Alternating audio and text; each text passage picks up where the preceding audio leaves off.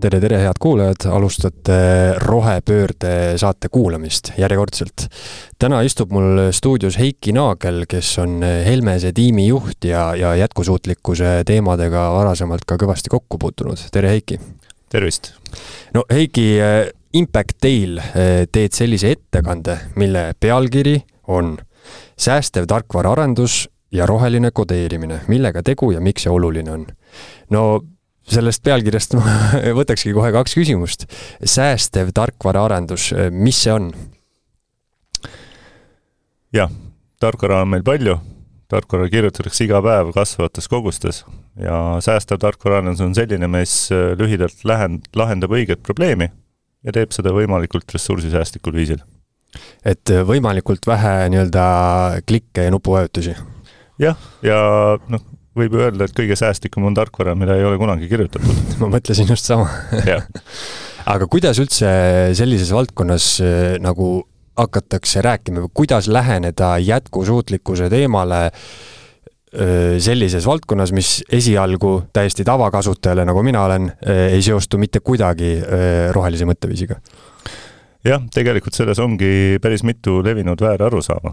et esmalt arvatakse, et tarkvara on juba iseenesest jätkusuutlik. et see on juba optimeeritud ja juba teeb asju kiiremini ja paremini kui nii-öelda traditsiooniline lähenemine paberi peal või kuidagi muud moodi. no täpselt, et mis jalajälg seal pilves ikka on, on ju. jah, täpselt.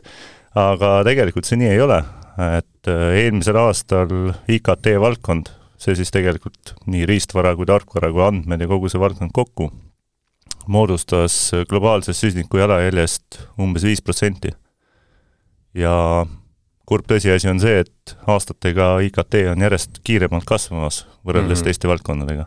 mis selle jalajälje siis moodustab, on need äh, mingisugused suured andmebaasid või, või mis see nagu täpselt äh, selle kokku paneb mm? -hmm. see tuleb väga erinevatest valdkondadest kokku, et äh, ligi ütleme, veerandi ja kolmandiku vahel on tegelikult lõppkasutaja seadmed needsamad mobiiltelefonist, millest võib-olla kuulaja meid praegu kuulab podcasti raames mm, -hmm. ja mis kõigil on taskus, et sellest, see on nagu üks osa juba. ja sellest omakorda tarkvara teeb oma osa ja seadme elutsükkel tootmine ja pärast siis lammutamine ja kogu see pool teeb teise osa mm. -hmm. et kui äh, ma nüüd üritan mõista, et et kui sa räägid mobiilseadmetest, siis, äh, siis justkui see viitab nagu tootmisprotsessile, aga siis selle kõige taga on ju, ju see, mis seal mobiilseadme sees on, on ju. et tarkvara on niisugune nii-öelda hall kardinal kõikide nende tootmis- ja seadete taga, on ju. Jah, täpselt, et äh, üks asi on mobiilseadmed, on ju, sellise kolm, kolmkümmend protsenti umbes siis kogu tervikust, aga ja selle sees on omakorda tarkvara, aga siis sellest suurest potist on jällegi äh, on kõik äh, andmekeskused, võrgud, äh, interneti toimimine, andmete salvestamine ja nii edasi, äh, sellest on omakorda ütleme, rohkem kui kümme ja natuke vähem kui kakskümmend protsenti on tarkvara osa. aga mispärast tarkvara on hästi oluline, on see, et tarkvara mõjutab kõiki neid teisi asju. tarkvara on nagu võimendustegur. et mida rohkem me teeme mingit tarkvara, mis tarb-, peab tarbima ressursse, peab liigutama andmeid, seda rohkem on igapäevaselt vaja jälle juurde teha andmekeskusi, neid samu seadmeid, mis peavad olema kiiremad, suurema salvestusmahuga ja, ja nii edasi ja nii edasi. see on nagu lumepall. tarkvara on seal see võimendusteguri keskel, et kui me teeme seda paremini, siis siis jookseb ka meie tänane uus tarkvara tegelikult kümme aastat vanal telefonil mm. -hmm. ei pea uut telefoni siis ostma mm. -hmm et eh, nagu ma aru saan, siis ongi selline lähenemisküsimuse või no lähenemisviisi niisugune küsimus on ju, et, et noh, vana hea, kas toota asja, mis kahe aasta pärast enam ei toimi, on ju, või siis teha nii-öelda jätkusuutlikult, et kui sa praegu räägid erinevatest andmekeskustest, siis kui ma õigesti mäletan, siis vist oli üks seitsmest maailma imest, iidsest maailma imest Aleksandria raamatukogu, mis põles maha ja siis oli justkui nii-öelda kogu, kogu info oli järsku kadunud maailmast, et tänapäeval on seda infot nii palju, et sellist seisu meil ei ole, et üks andmekeskus põleb maha, siis on noh, mitte midagi ei juhtu põhimõtteliselt, jah, see on ju ühelt poolt hea, aga teiselt poolt nendes andmekeskustes tihti hoitakse täiesti ebavajalikke andmeid ja tihti ei ole äh, ei ole need mitmekordsed back-up'id tehtud sellest kõige vajalikumast teadmisest, vaid täiesti suvalisest digiprügist mm. -hmm. et kui meile tuleb ütleme nii, et meil on ettevõte, kes saadab oma, üks niisugune näide, et saadab uudiskirju ja saadab sellise optimeerimata ühe megabaidise uudiskirja oma miljonile kliendile üks kord nädalas. aastaga tuleb viis terabaiti andmeid, mida on juba päris, päris palju. Ja neid ei tule, need ei ole ainult see viis, et nendest on kuskil back-up, need elavad inimeste telefonis, arvutisse laetakse alla, lisaks on need kuskil serveris. et see mass on tohutu, mis, mis tekib juurde pidevalt no siis me asume praegu täiesti nii-öelda jätkusuutmatus majas, sest eh, ma ei tea, mitu uudist siin päevas toodetakse, on ju. et tuleb päris kõvasti, et, et sa mainisidki seda ettevõtte poolt, aga kui ma nüüd täiesti tavakasutajana eh, kuulan seda juttu ja mõtlen, et kas mina saan ka midagi ära teha, ma ei tea, kas eh, ütleme, ma kasutan enda mobiiltelefoni, kas mul on mõistlik näiteks enda pilte, mida ma nagu väga enam ei vaata, kas mul on mõistlik neid ära kustutada või kas, kas ütleme, tavainimene saab midagi kuidagi mõjutada? jaa, kindlasti, me kõik saame mõjutada ja kuigi esimene hetk võib see mõju tunduda hästi väike, siis äh, kui kõik koos teeme, siis kokku see summeerub päris suureks ja oluliseks asjaks. Et äh, asjad, mida ma ise olen proovinud ka teha, on äh, emailid ja uudiskirjad, seal on see unsubscribe nupp, kui see tegelikult ei ole oluline info, mida oleks vaja, siis saab sellest loobuda, oma kirjakasti saab puhastada, sinna saab teha ka automaatika, et ta tegelikult puhastab asju ise, mis, mis ei ole olulised, näiteks kolmekümne päeva pärast kustuvad meilid, mida sa ära märkinud ei ole, kõik ise ära. ja see, mis sa küsisid piltide kohta, siis jaa, täiesti nõus, et mul endal on kodus kaks väikest last ja nendest saab selle sarivõttega ju väga palju pilte teha mm -hmm. iga päev või, või iga nädal ja me oleme kodus sisse viinud täitsa süsteemi, et me no tahaks korra nädalas, reaalsus on see, et korra kuus võtame kindlasti selle aja, et me käime kõik eelmise kuu pildid ja videod läbi, kustutame sealt maha mitteolulise ja, ja siis säilitame siis seda, mis, mis tundub oluline mm. -hmm. ja hea nipp mul on see, et korra aastas vaadata aastale tagasi ja siis saab sealt vahelt veel pool maha kustutada. Sest... nii on jah, nii on, et äh, mina ka tegelikult ma ei ütleks, et nüüd äh, väga varakult, aga ma sain vist oma esimese nutitelefoni alles aastal kaks tuhat kuusteist või kaks tuhat seitseteist, ma olin järjepidev nuputelefoni kasutaja, mul oli üks Nokia kümme aastat.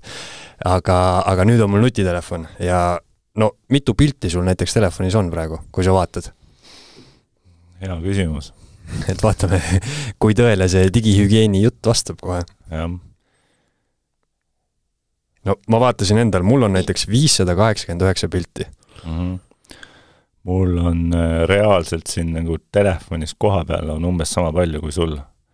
aga ma ise kasutan sellist teenust nagu Google Fotos näiteks mm, -hmm. mille puhul ongi see, et kui ma olen need olulised asjad nagu ära back-up inud, nad lähevad siis äh, pilve, kus ma seda abikaasaga jagan ja teiste pereliikmetega, vananenud vanaisad, kõik teised, äh, siis see siit minu seadmest kaob ära see pilt mm, -hmm. et siis ta automaatselt kustutatakse. No see, äh, sellised põhimõtted, et teeks näiteks korra kuus puhastust ja sellised hakkavadki nagu noh, iseenesest see on ju niisugune justkui prügi väljaviimine kodust, on ju, ainult et digimaailmas et, et kui, kui vastuvõtlikud inimesed või noh, kuidas panna inimene sellele mõtlema, sest tegelikult ongi see, see arusaam on ikkagi see, et, et kuna ma seda nagu käega katsuda ei saa, on ju, seda tohutut mahtu, mida ma võib-olla kasutan ja, ja mul on enda koerast, on ju, umbes mingisugune kaks tuhat pilti erinevate nurkade alt, et siis, siis mulle tundub, et, et mul mingit prügi ei olegi, on ju.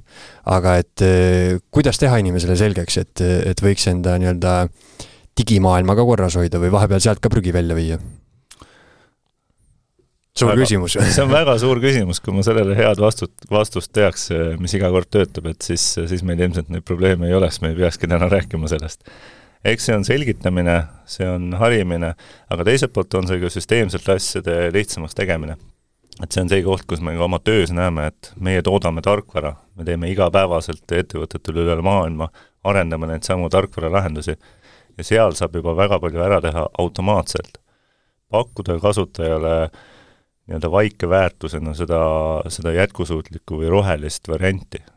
et saabki asju kustutada, et me ei loo asju, et me ei saada uudiskirju, et kui ka klient ütleb, et teeme sellise lahenduse, et meil siit tuleb väga äge video- ja uudisvoog äh, kogu aeg kõikidele klientidele, siis me saamegi küsida ja pakkuda talle välja, et et see ei tundu kõige jätkusuutlikum, äkki teeks seda niimoodi, et andmeid liigutame vähem, et me loome neid vähem.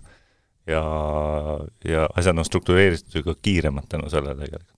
Aga mida näiteks ettevõte sellise jutu peale ütleb, sest näiteks tema uudiskirjast võib-olla te-, tema näeb reaalselt, ma ei tea, müüginumbreid, on ju, et see tõstab tema müüginumbreid. ja, ja kui talle öelda, et võib-olla sellise sellise lahenduse kasutamine ei ole nagu kõige jätkusuutlikum ja kui see nii-öelda ära jätta, siis tema näeb seda konkreetselt enda Exceli tabelis, on ju, et noh, see on nii-öelda toomata raha. et mida ettevõtjad sellise jutu peale ütlevad tavaliselt ähm,? ega ta tegelikult ei jää toomata rahaks. tuleb lihtsalt kui... mõelda mingi muu lahendus, jah? jah, et neid asju kõiki saab teha täpselt samamoodi edasi, neid samu tulemusi saavutada, aga natukene teistmoodi ja asju terviklikult läbi mõeldes. Et see on ka teine levinud äh, väärarusaam, et äh, roheline või jätkusuutlik tarkvara on kallim või keerulisem või aeglasem. tegelikult otse vastupidi. sa ei pea üleval hoidma ja maksma teenuste eest, mida sa ei tarbi, mida su kliendid ei tarbi, ja kui seda hästi teha ja läbi mõelda, et siis äh, kokkuvõttes on ta ilmselt isegi tasuvam. ja mis, mis on võib-olla väga positiivne muutus, mis on maailmas ka nüüd toimunud, et noh, esimene samm oli GDPR. Äh, kõigepealt kõigile tundus hästi hirmus asi, peame mingeid andmeid kustutama, ei tohi hoida ja mida ja kui palju ja tohutud trahvid. aga nüüd tagantjärgi on see kõigile üpris lihtne ja arusaadav, inimesed tunnevad ennast hästi, sest ka nende privaatsed andmed on rohkem kaitstud ja lõppkokkuvõttes digiprügi on ka rohkem, sest neid andmeid lihtsalt süsteemselt kustutatakse, mis on juba vanad ja mida, mida nii-öelda ei ole tegelikult mm -hmm, vaja mm. -hmm. aga noh, need olid ainult siis sellised kriitilised isikuandmed, mida pidi eemaldama. tegelikult neid muid andmeid ja niisama pilte ja asju, siis seda ei reguleeri keegi, on ju. et siin, siin ongi inimestel endal selle teema mõttes hoidmine, selle, kui endal tuleb meelde, siis tuletada oma sõpradele ja lähedastele ka meelde, et see nagu niisugune suust-suhu info liigub. suurettevõtted teevad ka päris äh, palju kampaaniaid ja, ja koos selle looduse koristamisega on ju ka digikoristuspäevad, et äh, nendest osa võtta. parem teha seda kord aastas kui üldse mitte, on ju, et see on niisugune mm -hmm. esimene samm ja mingi hetk, kus saad aru, et ma isegi olen olnud selles olukorras, kus äh, tead, et ma neli kuud tagasi download isin ühe faili ja nüüd on vaja seda leida. ei ole lihtne, kui seal on kolmsada faili vahepeal, mis on kõik alles, aga et äh, kui olla natukene süsteemsem, siis on pärast endal elu ka lihtsam mm. -hmm no äh, tulles nüüd äh, selle võib-olla sinu ettekande nagu teise poole juurde, et miks see oluline on, siis ilmselt oled sa mõelnud või selle kohta uurinud, et et kui me justkui siis noh, näiteks tarkvaraarenduses selle teemaga üldse ei tegeleks, et mis see, mis see tume tulevik on või, või kuhu see, ütleme sellises tempos, kuhu see siis äh, välja jõuab mm? -hmm jah, ma olen teoritiseerinud natukene, olen ka just isiklikul tasemel teoritiseerinud, et äh, mul on endal kodus kaks väikest last ja mulle meeldib matkata ja nendega looduses käia. ja meil on see õnn siin Eestis, et meil on puhast loodust ja niisuguseid üksikuid kohti, kuhu sa saadki minna ja ei ole automüra kogu aeg kõrval. ja see on mu niisugune isiklik väike unistus, et kui mu nagu lapsed ja lapselapsed, et nendel oleks seesama võimalus. ja ma näen, et kui me selle teemaga ei tegele, siis äh, ilmselt ei ole seda võimalust neil. et, äh, et noh, inimesi tuleb järjest juurde ja ressursse ei tule tegelikult juurde. et sellepärast peabki tegutsema ja igaüks nii hästi, kui oskab ja nii palju, kui saab mm. -hmm rääkides sellest, et äh, inimesed äh, tulevad järjest juurde, siis mis sina arvad äh, Elon Muski väitest, et tegelikult ülerahvastatus on täiesti ülepaisutatud probleem meedias, et tegelikult inimkond just sureb, sureb ära nagu, et kuivab kokku. või noh, kui Euroopat vaadata, on ju, siis, siis võib nagu sellest jutust täitsa aru saada.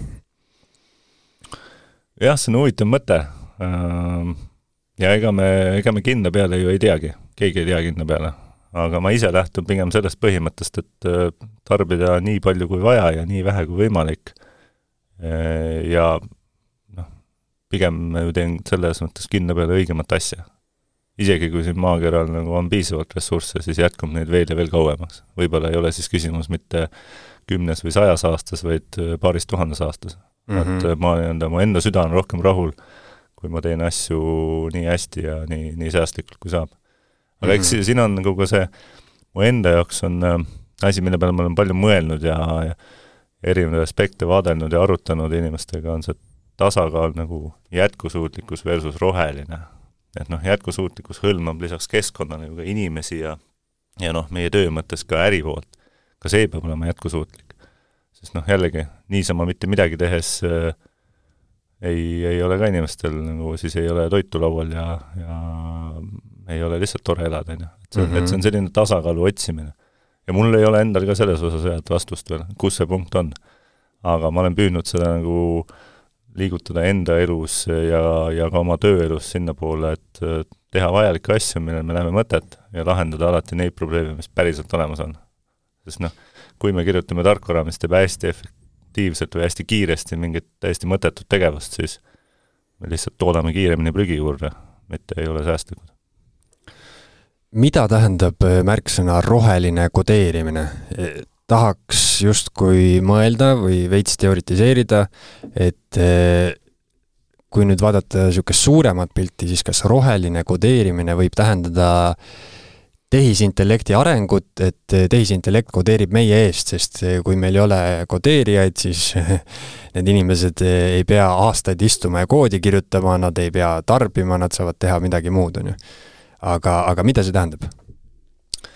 no meie jaoks see roheline kodeerimine tähendab teatud kindlaid äh, põhimõtteid tarkvaraarenduses, et see tarkvara, mida me teeme, et teeme nii vähe kui võimalik, teeme asja, mis lahendab probleemi ära ja, ja mitte rohkem. et igasuguseid niisuguseid noh, tilulilu lahendusi nii-öelda, et on ilus ja värviline, et et neid võimalusel mitte teha ja selles osas nõustada ka klienti mm. -hmm. ja, ja teine asi on see, et et see, mida esimene oli siis nii-öelda keep it simple tegelikult, on ju, et need asjad, mida sa ei kasuta, need lülita välja või, või eemalda üldse oma tarkvarast ja teiseks äh, on niimoodi, et äh, otsiti, otsiti äkki vastus üles. Äh, teine oluline asi ja millest me rääkisime ka, on andmed, et võta mm -hmm. andmed enda kontrolli alla. et kui palju sa neid lood, kus sa neid töötled, kas sul noh, toome näiteks ühe niisuguse elulise näite, et on mingi parkimismaja, kus on äh, kaamera, mis tuvastab su auto numbrimärgi ja siis, kui see märk on lubatud, tõstab tõkkepuu üles. et me oleme ise sellist tarkvara arendanud ühele ettevõttele maailmas ja noh, see kaamera teeb alguses tegelikult seal sada, suurusjärgus sada pilti sellest numbrimärgist, kuna auto liigub ja ja siis variant oleks kõik need sada pilti saata kuhugi serverisse pilve kaugele, tuvastada seal number ja siis saata sõnum vastu, et OK. aga see andmemaht, mis läbi võrgu liigub, mis, mida erinevad seadmed peavad töötlema ja lõpuks ka kuskil serveris salvestama, see on päris suur. kui me selle asja ära optimeerisime, siis tegelikult seal kohapealses seadmes lõigati nii-öelda välja ainult see numbrimärgi koht, ülejäänud autot ei ole üldse vaja seal pildi peal. ja sajast pildist valiti välja kõige teravam. nii et äh, saja väga suure pildi asemel jäi alles üks väga väike pilt, mille liigutamine on kiirem, efektiivsem, äh, äriliselt kasulikum, sest tuleb maksta vähem selle teenuse ülevalhoiu eest ja lõppkokkuvõttes ka see autojuht, see tõkkepuu tõuseb kiiremini, sest ta ei pea ootama aeglase interneti taga mõnikord mm. -hmm et see oli see teine punkt, et andmed oma kontrolli alla. ja kolmas punkt äh, on selline minu lemmik, et äh, efektiivne on ka jätkusuutlik. üleüldises mõttes, kui me teeme kiiresti ja hästi toimivaid asju, siis need kipuvad olema ka jätkusuutlikud noh, eeldusel, et probleem sai nagu õige valitud mm. -hmm. no mida lihtsam lahendus, ilmselt sellest põhimõttest saavad kõik inimesed aru, et mida lihtsam lahendus, seda jätkusuutlikum see on, et kui no ma ei tea, rääkida kas või toitumisest või trenni tegemisest, mhm. ükskõik, on ju, et mida keerulisem see süsteem sul on või mida keerulisemale dieedile sa lähed, siis seda, seda suurem on tõenäosus, et sa sealt nagu ära kukud, on ju absoluutselt, olen ise kogenud. Et jah, kui on lihtne, et ma ei tea, ära Coca-Colat joo, et see on nagu lihtne reegel, mida saab jälgida, aga kui me räägime tarkvaraarenduse nii-öelda rohi, rohelistest põhimõtetest, siis kas see noh, sa ütlesid, et efektiivne on jätkusuutlik, et kas näiteks teie tiimis on, on see kuidagi inimeste arvu ka mõjutanud, et noh, a la, et ongi selles mõttes võib-olla ühe asja kodeerimiseks ei ole vaja enam kolme inimest, et sellega saab üks inimene hakkama, kuna lihtsalt seda mahtu on vähem. et kas see kuidagi selles plaanis nagu inimeste, inimeste plaanis ka otseselt väljendub? Otseselt võib-olla ei väljendu, pigem meie tiim on algusest peale olnud nagu sellise tiimi efektiivse toimimise põhimõtetest lähtuvalt äh, umbes seitsmeliikmeline, viis kuni seitse, et siis on seda omavahelist suhtlemist ja koordineerimist äh, piisavalt vähe ja samal ajal tekib niisugune üksteise võimendav ja teadmiste, äh, teadmiste toetamise efekt. et me lihtsalt jõuame rohkem mm -hmm. tänu sellele, et me teeme asju hästi efektiivselt, et meie väärtusloome kliendile on, on võrratult suurem selles osas, et kuna me, kuna me keskendume ka nendele aspektidele no mis on mhm. muidugi huvitav, et äh, kui nagu selline teadlik vaade sellele samale rohelisele tarkvaraarendusele ja, ja, ja keskkonnasäästlikule lähenemisele on noh, see on tulnud nüüd nagu pilti rohkem viimaste aastate jooksul. siis kui me tegelikult hakkasime vaatama oma tiimi, et siis me oleme olnud kogu aeg nagu selles suunas püüelnud, sest ongi täpselt see, et me püüame võimalikult vähese aja ja võimalikult vähese kodeerimisega pakkuda kliendile võimalikult suure väärtuse. ja äh, noh, mis võib-olla on siin oluline ja mis, mis ma näen, et aitab meil seda väärtust kliendile luua, on see, et me ei ole lihtsalt kodeerijad ja see ei ole ainult kodeerijate, ehk siis nii-öelda tarkvaraarendajate, need, kes lõpuks koodi kirjutavad. see ei ole ainult nende töö. sest kui nende, nagu kui klient tellib mingisugust üldse mitte jätkusuutlikku asju, analüütik paneb selle kirja, projektijuht vormistab selle projektiks, siis kui see jõuab nüüd selle vaese kodeerija lauale, siis see osa, mida tema saab mõjutada, on ju väga-väga väike. et noh, see jätkusuutlikkus tuleneb sellest, kui kõik töötavad koos ja meil töötavad kõik koos, et noh, see hakkab nii tarkvaraarendajast, tarkvaraarhitektist, analüütikust, tiimijuhist ja kliendi, kliendist pihta mm. -hmm. et me, me püüame alati ehitada nagu võimalikult pikka kliendisuhet ja olla kliendi äris sees nii sügaval, kui me vähegi saame see annab meile ka selle võimaluse töötada kliendiga koos, et tema tuleb mingi ideega ja me saame alati öelda, et mis on need head variandid seda lahendada ja pakkuda ja me ka pakume tihti ja nii-öelda esitame kliendile väljakutse siis võib-olla. ta mõne asjaga tuleb, ütleb, oh, võiks seda teha, aga see on nagu nii keeruline ja nii ressursimahukas, et see tegelikult noh, me isegi ei ütle, et see on nagu jätkusuutlikkuse vastu, aga me ütleme, et see on sulle äriliselt kallis ju. see ei loo sulle väärtust. ja see kõikidele äriinimestele töötab päris hästi. rahakeeles rääkida. rahakeeles rääkida et, äh, et jah, ja noh, eks, see ongi ka nagu laiemalt ettevõtete mõttes, et kui nad sisemiselt oma oma asju tellides, tarkvara on see siis majast seest või majast väljast ja allhankijate käest, et noh, ettevõttel võiks olla nagu enda jaoks läbimõeldud mis on need jätkusuutlikkuse valdkonna mõõdikud ja kuidas neid mõõdetakse ja siis tuleb neid küsida ausalt endalt ja küsida ka oma partneritelt. et noh, tihti ei saa sinna nagu niisugust väga selget numbrit kirjutada, aga see fakt, et ettevõte on enda jaoks läbi mõelnud selle valdkonna ja näeb ka nagu ja nii-öelda suhtub sellesse teadlikult, et siis see on juba, juba suur võit, ma arvan no ettevõtetele siis eh, soovitame asjad läbi mõelda ja nii-öelda tavakasutajatele soovitame ma ei tea, ära kustutada enda Instagrami kontod nojah, see on, see on kahe otsaga. mitte nii palju story sid teha. jah, vaadata oma andmeid, et sellest mm -hmm. kõik algab nagu, et äh, siin isegi äh, Äh, noh, pildid oli üks näide, mis me teeme, sest see on hästi hea öelda, et jah, teeme sarivõtte ja viiskümmend pilti täpselt samast olukorrast, äh, inimesed suudavad sellega suhestuda päris hästi.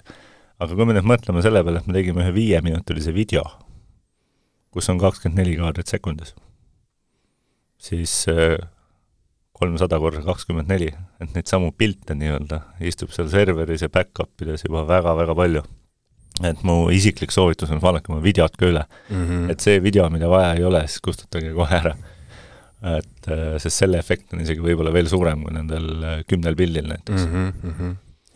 no selge, igatahes inimestele, kes, kes teemaga rohkem tutvuda tahavad, siis äh, võivad minna Impact Daily Hikit kuulama ja nagu ma aru saan, siis korraldate seal ka väikse töötoa jaa, me räägime, teeme väikse sellise veerandtunnise presentatsiooni umbes sellel samal teemal, mis me siin rääkisime, räägime üldistest põhimõtetest, miks need on olulised, miks neid peaks järgima ja millised need on, ja pärast on meil workshop ka, et seal me lähme natukene siis sisse nendesse kolme tarkvara, rohelise tarkvaraarenduse põhimõttesse, et hoia asjad lihtsana, võta andmed oma kontrolli alla ja efektiivne on, on üldiselt jätkusuutlik. et seal me arutame nendes koos siis osalejatega juba natukene pikemalt mm. -hmm.